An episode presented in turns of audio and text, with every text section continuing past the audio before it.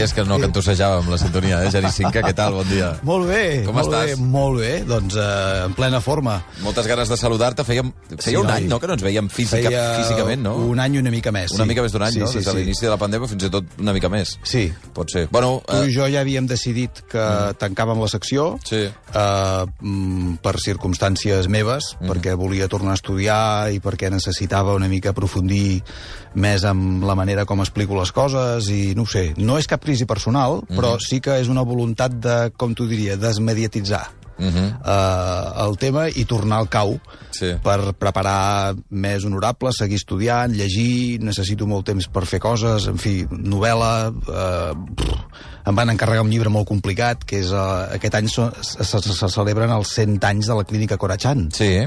I la Clínica Corachan em va encarregar fer el llibre, fixa't, dels 100 anys d'història de l'aniversari. que, és, que és aquest dos- 2021. Ah, per sí? tant, Just per ara. tant, sí, eh, ja, ja te'l ja te l'enviaré en el seu moment, però hi ha una quantitat d'honorables i d'històries a dins de la clínica que són molt entranyables i difícils de reconstruir.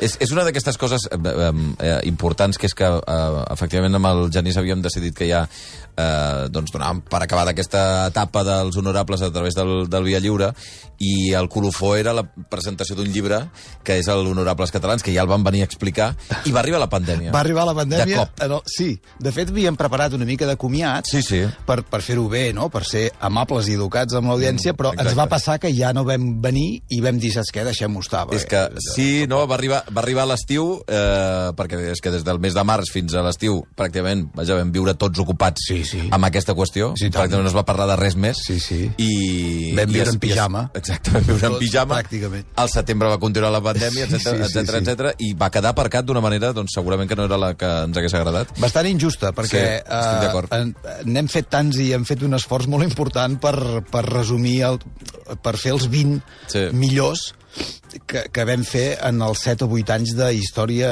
teva i meva, perquè Sí, sí. tot això és molta responsabilitat teva per la manera com has tingut de treure'm de dins totes aquestes històries. I, Però... I és un llibre que està aquí i que hi és present i que a mi, a mi em fa molta il·lusió perquè la setmana que ve es presenta eh, a la llibreria Ona, Sí. i serem tots dos, evidentment, Sí, sí. el dijous de la setmana que ve. a les 7 de la tarda, A les tothom de la tarda. convidat, Exacte. amb mesures, mesures eh, totes, no Tot, patiu, tot, tot. desinfectat, fregarem, ho, ho fregarem tot Personalment. amb la velleta. Anirà... I que, per tant... Amb la portaré- i la Mary, que en diem a Sabadell, amb la Mary. A Manresa també en Ah, diuen tem- així. ah, sí? Mira, abans em discutia, perquè estàvem parlant La Mary, de, de, de Sí. sabadellanquismes o no, i no entenien que era la Mary. Clar, home, perquè era una marca. Ah, d'acord, d'acord. Sí, és una marca. És, és encara. Sí, que encara es ven. La Fragona. I La Mary, la Mary. Sí, sí, estarem Sí. tu i jo allà netejant. La fragona és un barbarisme, però sí, la Mary.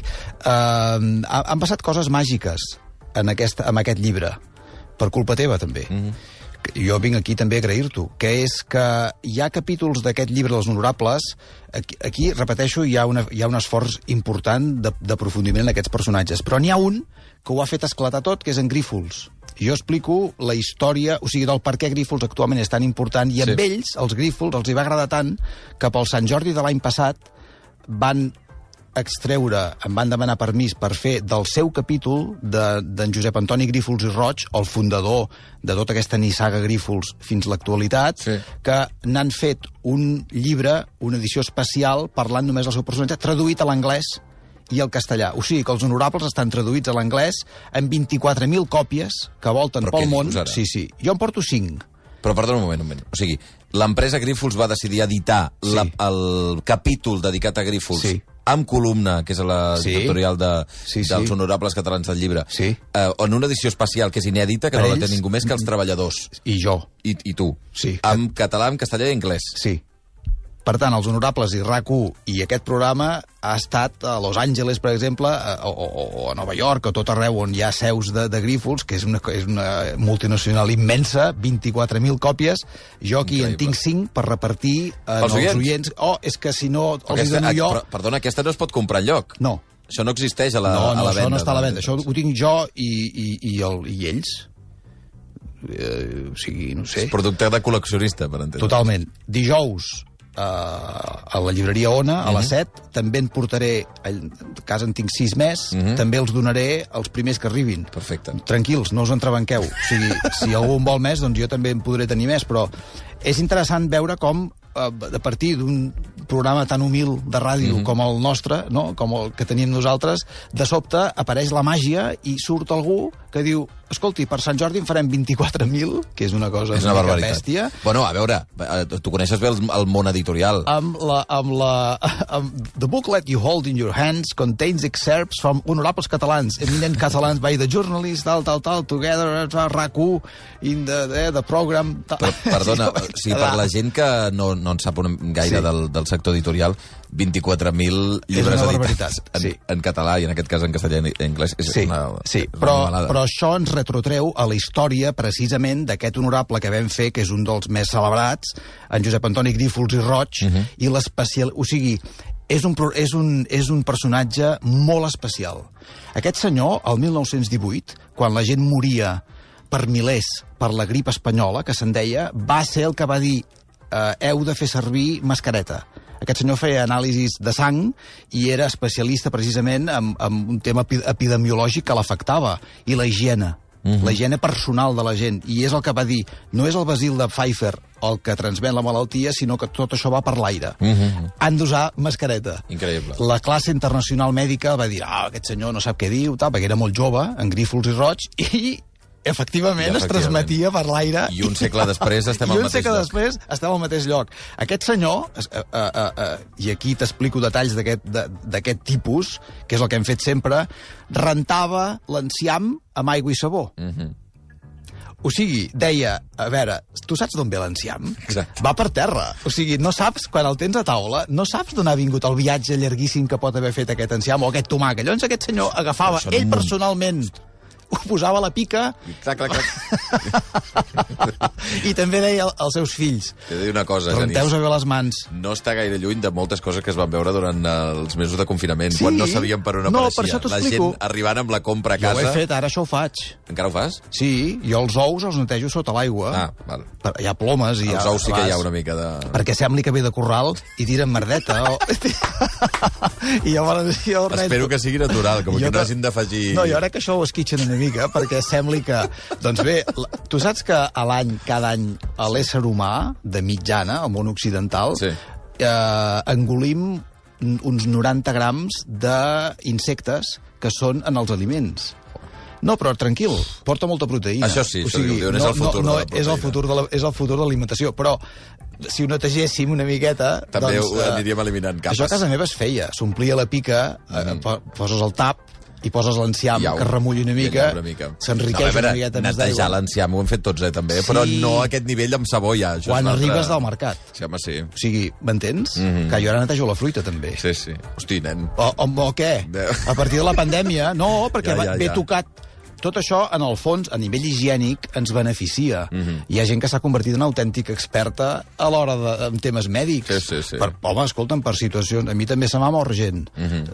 uh, gent de, uh, amics... Pròxima, sí. per- molt propera uh, uh, per culpa de la pandèmia. I, per tant, tots som una mica més conscients. Això és un abans i un després. Mm. I n'hem d'aprendre coses. No hi ha un altre remei. I això és el que fa aquest tipus de personatge són gent entusiasta, són, són gent que viuen molt el que fan, que els agrada molt, i, i ja està.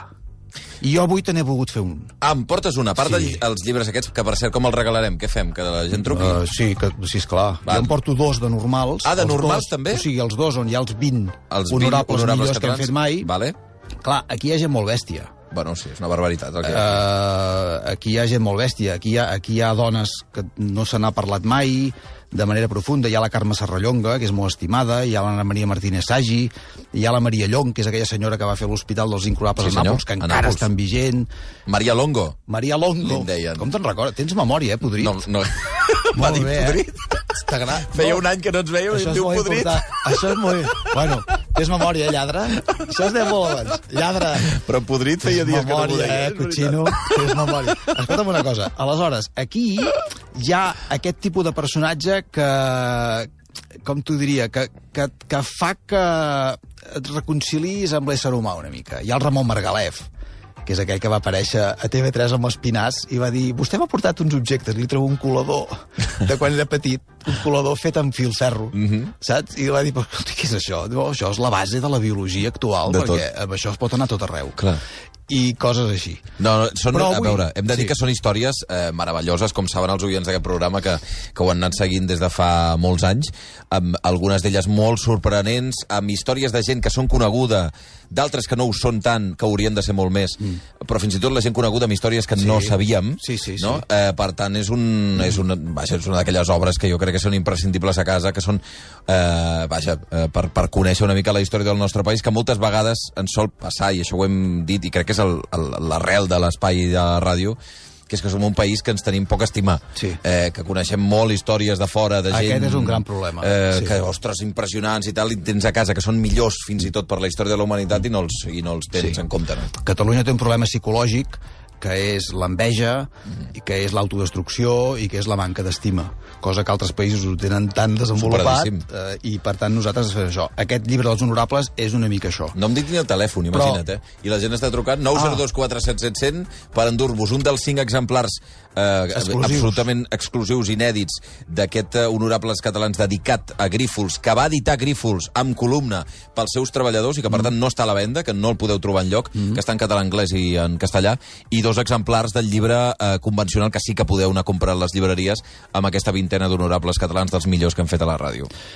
Però jo no volia, o sigui, ja t'ho vaig dir l'altre dia, jo no vull venir aquí, ai, mira, ve- vender mi libro. Mhm. A mi això no m'agrada. No vull, ja vaig dir, no vull que parlem de mi ni del que faig, perquè això no li interessa a ningú. Jo vull fer-te'n un, o sigui, Perfecte. jo vaig fent feina. Doncs m'encanta. Encara que no vingui a explicar-te-la, saps? Perquè no tinc recollint. temps i, i, eh, ostres, ja t'ho dic, no, saps? Jo vaig fent feina. I avui, i ara sí, comencem, deixem Sí. de parlar d'això, que comprin el llibre, Qui que és? no com m'és igual. Robert Gerard. Robert Gerard. Robert Gerard, aquest any, aquest any és l'any en què se celebren els 50... Ja comencem, no? Sí, sí, sí. Va, sí. Ara, ara, ara em sento bé.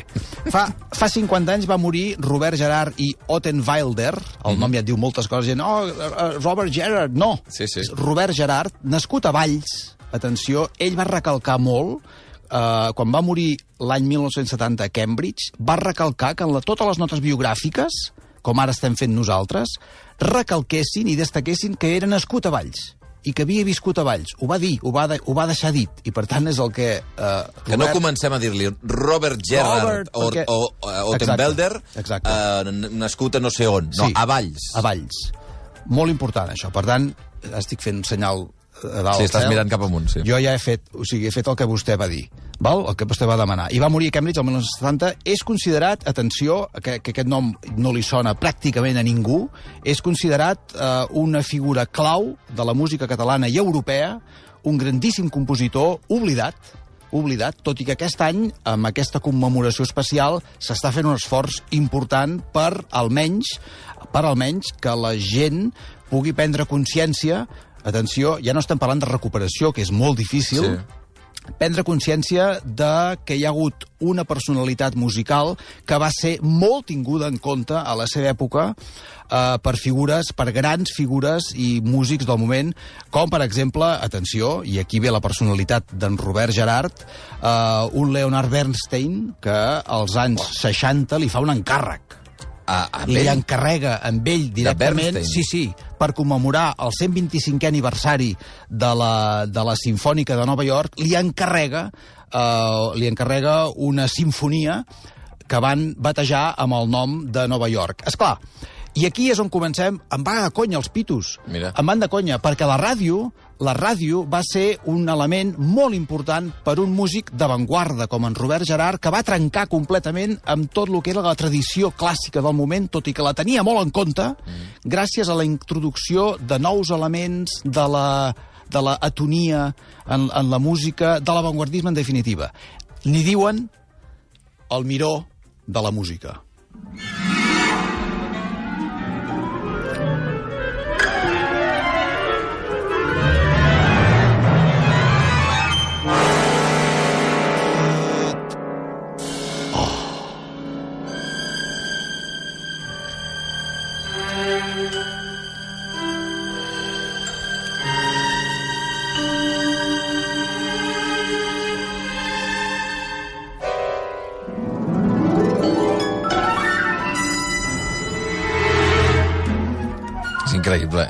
Enganxa, eh? Perdó, és que ara jo aviso, jo aviso els oients, coses, aviso els oients. Jo us ho explico d'aquesta manera perquè això, atenció, enganxa. És, no sé què té aquesta música, clar, ara ho explicarem. Té. és juganera, a més no poder. És, és entremaliada, tu és tota entremaliada, juga amb tu, t'està dient coses, eh? T- t'explica una, una història, t'explica Nova York. Mhm. És la cara B d'aquella del Sinatra, no? Sí. Que, eh, per tant, el Leo Bernstein, que va quedar enamorat d'aquesta peça... Recordem que, per qui no el conegui, Bernstein No, no. és un dels grans noms de la història de la música. És molt un senyor que quan es va morir, Sí, Nova sí. York es va aturar Sí. no, per ell. Eh, Sí, I vaja, sí. no, només mm, per dir, per exemple, eh, bandes sonores o, vaja, des de West Side Story i companyia, en fi, una, un autèntic animal de la història de la, de la música. I encarrega aquest català nascut a Valls, com és Sí, Robert sí. Gerard, Sí, que li sí. faci aquesta sinfonia Sí. a Nova York. Amb una vida... Oi, oi, oi, oi, oi. Qui? El Robert Gerard. Ah, pensava que deies el Bernstein. també, que també, també. O sigui, tot això no és casual. El Leonard Bernstein, quan s'assabenta de quina ha sigut la vida d'aquest senyor, perquè diu, escolta, però aquest home qui és? Que ja té 60 anys, perquè això és el, als anys 60. Eh, hi ha un senyor exiliat, eh, català, espanyol i suís, i també anglès, perquè l'any 60 assu assumeix... L'any 60 deixa de ser espanyol, decideix de ser espanyol, perquè és un antifranquista recalcitrant, se n'ha anat per culpa de la Guerra Civil, i qui és aquest exiliat que viu a Cambridge i que es dedica a fer una, un avantguardisme música tan important i tan destacat com això que estem escoltant. Que, repeteixo, enganxa i molt. Molt, molt. Perquè és com el miró. Mm. Tu mires aquells quadres i a, a primer cop d'ull no sé, hi ha alguna cosa que no... Però després és inoblidable.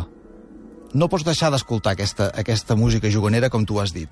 Uh, he de dir que qui vulgui il·lustrar-se una miqueta més sobre en Robert Gerard, ara mateix hi ha en marxa una exposició increïble, que està molt ben feta per un manresà. Hombre, Sempre m'agrada aquí, saps? Tirant cap a casa. L'Oriol Pérez i Treviño, que de fet és el que m'ha explicat tot això. Mm. -hmm. jo, jo no sé mai res. Jo faig de mèdium d'aquesta gent genial que hi ha pel país, que gairebé no surten mai en lloc, fan unes crítiques musicals al diari avui, és una cosa. Aquest, aquest noi, l'Oriol Pérez, l'hauríem de posar en una vitrina aquí, amb un micro engegat. Pobre, no, pobre no, no, home, és que una par... vitrina tot el dia. No, però amb, uh, Ja t'entenc, ja. amb una reixeta. Amb una reixeta, Però sí, que no se n'anés. I Ja, que ja, anés ja. parlant. Perquè m'ha explicat unes coses d'aquest senyor, del Robert Gerard, sensacional. És el comissari de l'exposició que ara mateix està en marxa a l'ESMUC. L'ESMUC què és? L'Escola Superior de Música de Catalunya, que es troba situada a l'Auditori de Barcelona. Mhm. L'exposició aquesta.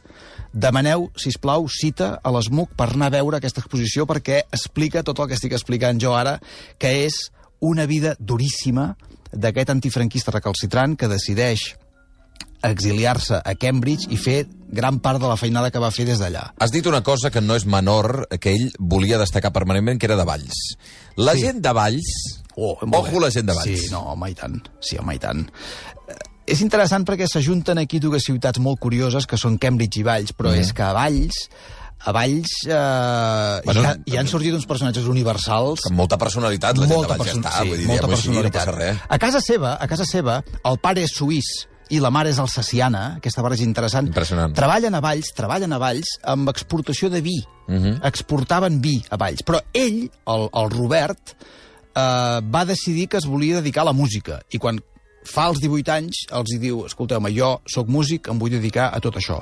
Abandona el tema dels vins i comença una gran... Eh, un, una gran epopeia biogràfica a través de totes les desgràcies que s'han produït al segle XX. Li esclata la Primera Guerra Mundial a Múnich. Se n'ha d'en tornar a Valls. Se n'ha anat a estudiar música. Mhm. Un cop eh, té la cosa més o menys situada eh, eh, eh, eh, què ha passat? T'has espantat amb No, perdona, no, amb és el que... El, musical? no, perdó, no, és que... El, uh, ja, a veure, per la ràdio tenim uns intercomunicadors entre la persona que està fent la producció al directe El Blai, i... què diu Blai? I m'ha obert el micròfon, m'ha fotut un crit. Ah, sí? m'ha dit, no, mai, no, que m'ha informat que ja estaven tots els llibres col·locats. col·locat. Val, m'alegro i, molt. i, però, però el crit que m'ha fotut és que El m'ha deixat sort, perdó, eh? El Blai. Jo me l'estimo molt, el Blai, eh? Sí, ho saps o no, això? ja ho sé. Està maco, eh, el Blai? Està maco. I em diu, eh, ja estan tots col·locats! I dic, "Hosti, per favor. I per això he fet un vot i m'ha vist el Genís com dient, però què et passa? Tu que t'has rampat o què? gràcies, maco. Uh, de fet... Uh, Havies anat a Munic, perdona, eh, havia anat a Munic, salta la Primera Guerra salta Mundial, Guerra Mundial després abans. salta la, sal, quan salta la, la, la Guerra Civil, el 39 s'ha d'exiliar, guanya els nacionals, se'n va a Kem... No, se'n va a París primer, i al cap de dos mesos de ser a París, amb la seva dona, la Leopoldine Feizteger, la Poli, li deia la, la Poli, un personatge molt important en aquesta història, li esclata la Segona Guerra que és Mundial. Oi, oi, oi, oi, oi. O sigui, allà on va el persegueix la guerra permanentment. Però Ja què està. fa? Què fa? I aquí és on hi ha la grandesa de tots aquests honorables catalans que sempre en parlem tant amb tanta passió. I per què són tan apassionants? Doncs perquè no tan sols no es deixa esfondrar, sinó perquè sembla que reneixi d'ell mateix per encara entusiasmar-se més de tot allò tan estrany que està fent. Mm. I encara treballa més. Com més gran es fa en Robert Gerard, més música produeix, més, eh, més encàrrecs li fan, i més treballa, i més bé, i més aprofundeix en el seu talent. És una cosa... Clar, abans parlàvem del Grífols. Com més dificultats troba, perquè li, li roben patents, és una, és una història tremenda, més fa, més produeix i més s'exalça en, en, la, en, la seva, en la seva genialitat. I això és el que és en Robert Gerard. I què perdona, fa a Cambridge? T'aturo un moment aquí, Sí, perquè sí. per qui vulgui, que vagi a buscar una imatge de Robert Gerard. Sí. Que t'explica moltes coses de qui era Robert Gerard. O sigui, el seu posat, Sí. el físic, la mirada, Sí. no?, d'un tio que les, les ha, pa- perdó, les ha passat canutes Magres, molt magres, i ha molt. decidit que... I, I es mira la vida d'una determinada manera, s'ha endurit. Saps què fan a. Cambridge? Què? Saps què fan a Ai, Cambridge? no sé. Amb la poli venen ous. La poli, cada cop que dius la poli, penso en la policia. No, però és la, seva Leo, dona. Leopoldin. La Leopoldin. La poli? Sí, deixeu de passar amb la policia. Policia no, no, no. Ja.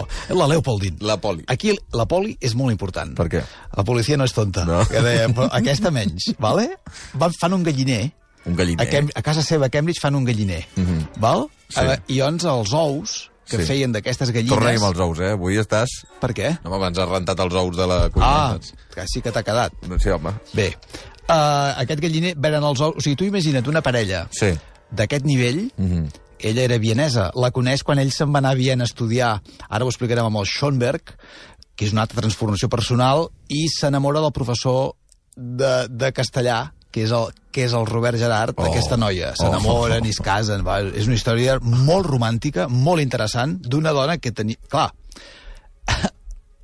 les parelles d'aquests personatges han de tenir molta personalitat, mm -hmm. perquè si no, jo imagino que allò esclata per tot arreu. Els han de saber portar. Sí, sí. sí. I aquesta senyora mm, els devia tenir molt ben posats. Els ous. Sí, perquè també, els venien. també. Els venien. els venien. Els venien de deies, imagina't una parella d'aquest nivell amb gallines a casa i fent ous, no? Tu imagines això? bueno.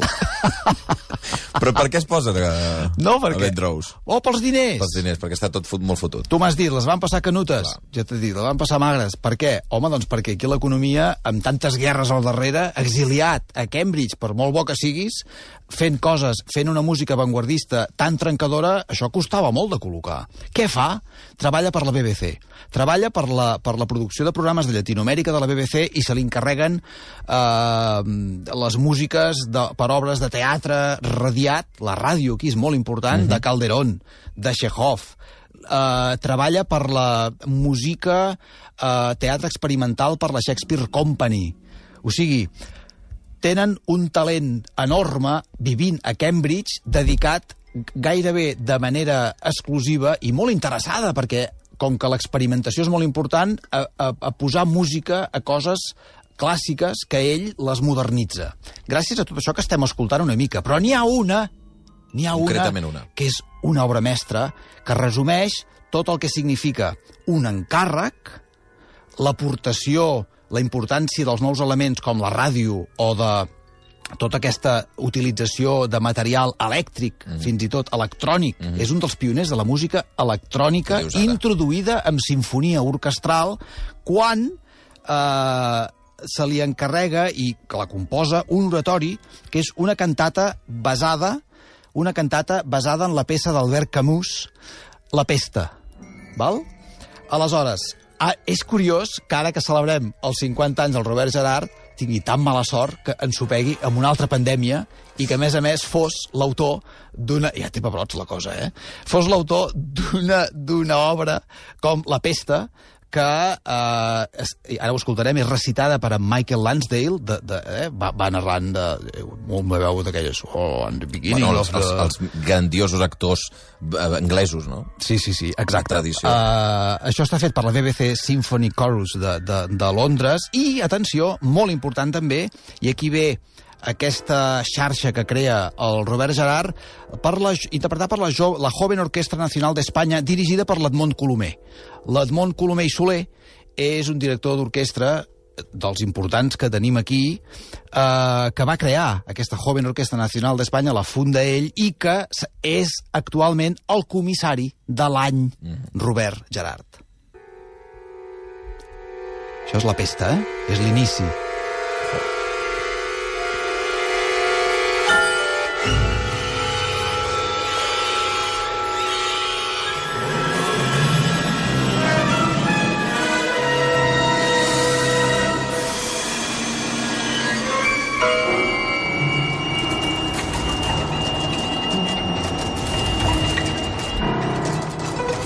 Són les rates que caminen, això. Saps aquell sorollet de les ungletes? Fa molt fàstic. Molt fàstic. Eh.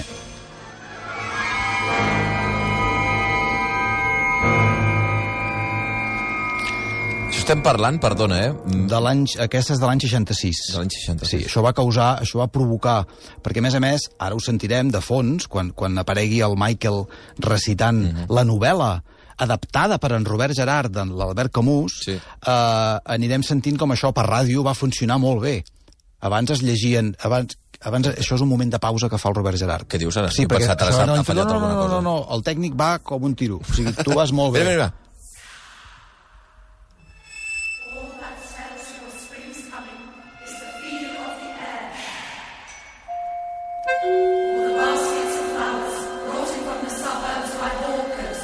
És una gran novel·la, aquesta, eh, per cert. O sigui,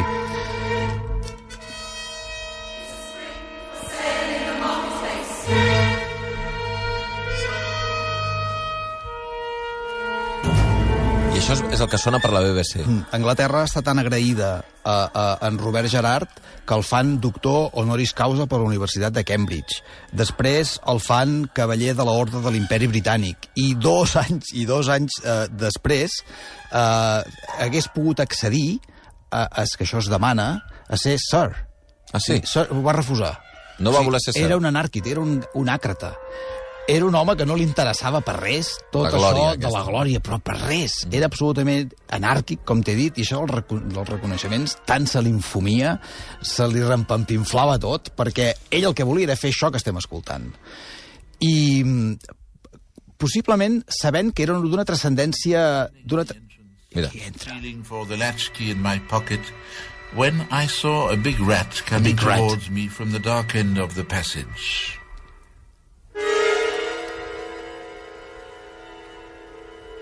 It moved uncertainly, and its fur was sopping wet. The animal stopped and seemed to be trying to get its balance. Aquests és la, mort, de- és de- la mort de la rata. La novel·la comença així. La mort, el, aquell, el doctor, perdona, eh, el, el doctor protagonista de la pesta, veu una rata que mor davant seu i diu, aquí està passant alguna cosa. Que és maco, això, I és la eh? pesta. És No, la no, jo el que anava a dir és, és aquesta tradició de- dels actors britànics que et podrien recitar el llistint telefònic. Sí. M'és igual, i, i, tu, i et quedaries enganxat escoltant-lo. Shakespeare, Mm. la, importa la importància de la paraula oral. Total. O sigui que és una cosa que aquí a Catalunya ha tingut eh, la seva conseqüència positiva amb la ràdio. Mm. O sigui, la, la, el coneixement teatral d'un poble com el català a nivell escènic ha tingut, actualment es veu, amb, aquest, amb, amb aquesta ràdio mateix, eh, gent que a casa seva ha tingut formació teatral important i que ha treballat la veu. Eita, eita. That Aquesta gent, clar, aquesta gent, això fa segles que ho mamen. El teatre, eh, tot això que, que durant la pandèmia nostra ara, la gent troba a faltar anar al cinema, anar al teatre, precisament per trobar-se amb aquest sentit oral de la història, que és la que ens belluga que són les històries que t'expliques per Nadal, que és tot això, la veu. Són incomparables, eh? O La ràdio. Eh, la, la ràdio i el fet d'explicar històries orals. O sigui, és, és imbatible, diguem-ne. Bé, seguim amb el Robert Gerard, Sí, perdona. Eh? hi ha un fet molt important, hi ha un fet molt important, de fet són dos que van interconnectats. Un és que en, en Robert Gerard es, uh, com t'ho diria, és l'alumne d'en Felip Pedrell, que havia sigut el professor de música, el gran musicòleg, que havia sigut el mestre de Falla, Uh -huh. havia sigut el mestre del Béniz, havia sigut el mestre de Granados. De tots. A- als anys 20, aquests anys 20 són molt importants, també hi ha un alumne molt jove, que és el Robert Gerard, de Valls, Sí. que es fa alumne seu. Quan mor en, en, en Pedrell, i ara escoltarem una, una sinfonia dedicada a ell, l'homenatge a Pedrell, eh, dirigida per la, sinfo, per la Sinfònica de la BBC, la Sinfònica de la BBC, en eh, Robert Gerard què fa? Sap que ell serà un trencador, això que escoltem, aquest cling-clong, les adaptacions aquestes teatrals en el món de la música, i envia una carta al gran Arnold Schoenberg a Viena per dir-li... Schoenberg eh, tenia alumnes comptats amb els dits d'una mà, perquè era un home dificilíssim. Era un home que no acceptava absolutament cap mena de... I li escriu una carta, amb 20 i poquíssims anys, i tu t'imagines un noi de Valls escrivint una carta i dir, "Escolta, Senyor Schoenberg." Senyor Schoenberg, jo, que a més, clar, parlava alemany perfecte, mm. el, el, el Robert Gerard, jo vindré a Viena, no, voldria venir, no, jo vindré a Viena a que vostè em doni classes d'això tan trencador que està fent, perquè jo vull escriure tot això, m'ha d'ensenyar, m'ha de donar classes de composició. El Schoenberg queda tan impressionat que l'accepta, l'altre se'n va a Viena, fa aquestes classes amb ell, i provocarà... El Schoenberg va quedar tan impressionat amb el, amb el Robert Gerard que després ve a Barcelona hi ha... eh, Només dir-te que l'òpera Moses i Aaron del Schoenberg la va acabar a Barcelona. O sigui, venia a Barcelona de visita a fer concerts, una cosa tremenda. I una de les filles d'en Schoenberg es deia Núria. Ostres. En honor, o sigui, eh, agraït Aquesta relació. una mica aquesta relació tan íntima amb en Robert Gerard. Un home tan difícil com en Schoenberg i tan trencador. Um, no només això, sinó que durant la República en Robert Gerard té càrrecs de la Generalitat per fer per popularitzar la música sinfònica. Treballa estretament amb l'Higini Anglès, que era un gran pedagog d'aquí a casa nostra, per fer que precisament els nens puguin aprendre sinfònica, música, música de veritat. No la música del nyigo-nyigo, que feia segles que, que caminava i que no acabava d'avançar, sinó música, entenent la música com una cosa trencadora i aplicable a qualsevol mitjà d'avui dia, com és ara mateix la ràdio, i és això que estem escoltant. Um, Jo- Deies que volies posar l'homenatge a Pedrell. Jo crec que ca- sí, val, jo per- crec que- Haurem d'anar acabant. Sí, jo crec que eh, és per entendre que no tot el que feia en, en Robert Gerard era, diguéssim, tan eh, tan extraordinàriament modern, sinó que també feia coses més, eh, més eh, entenedores i normals.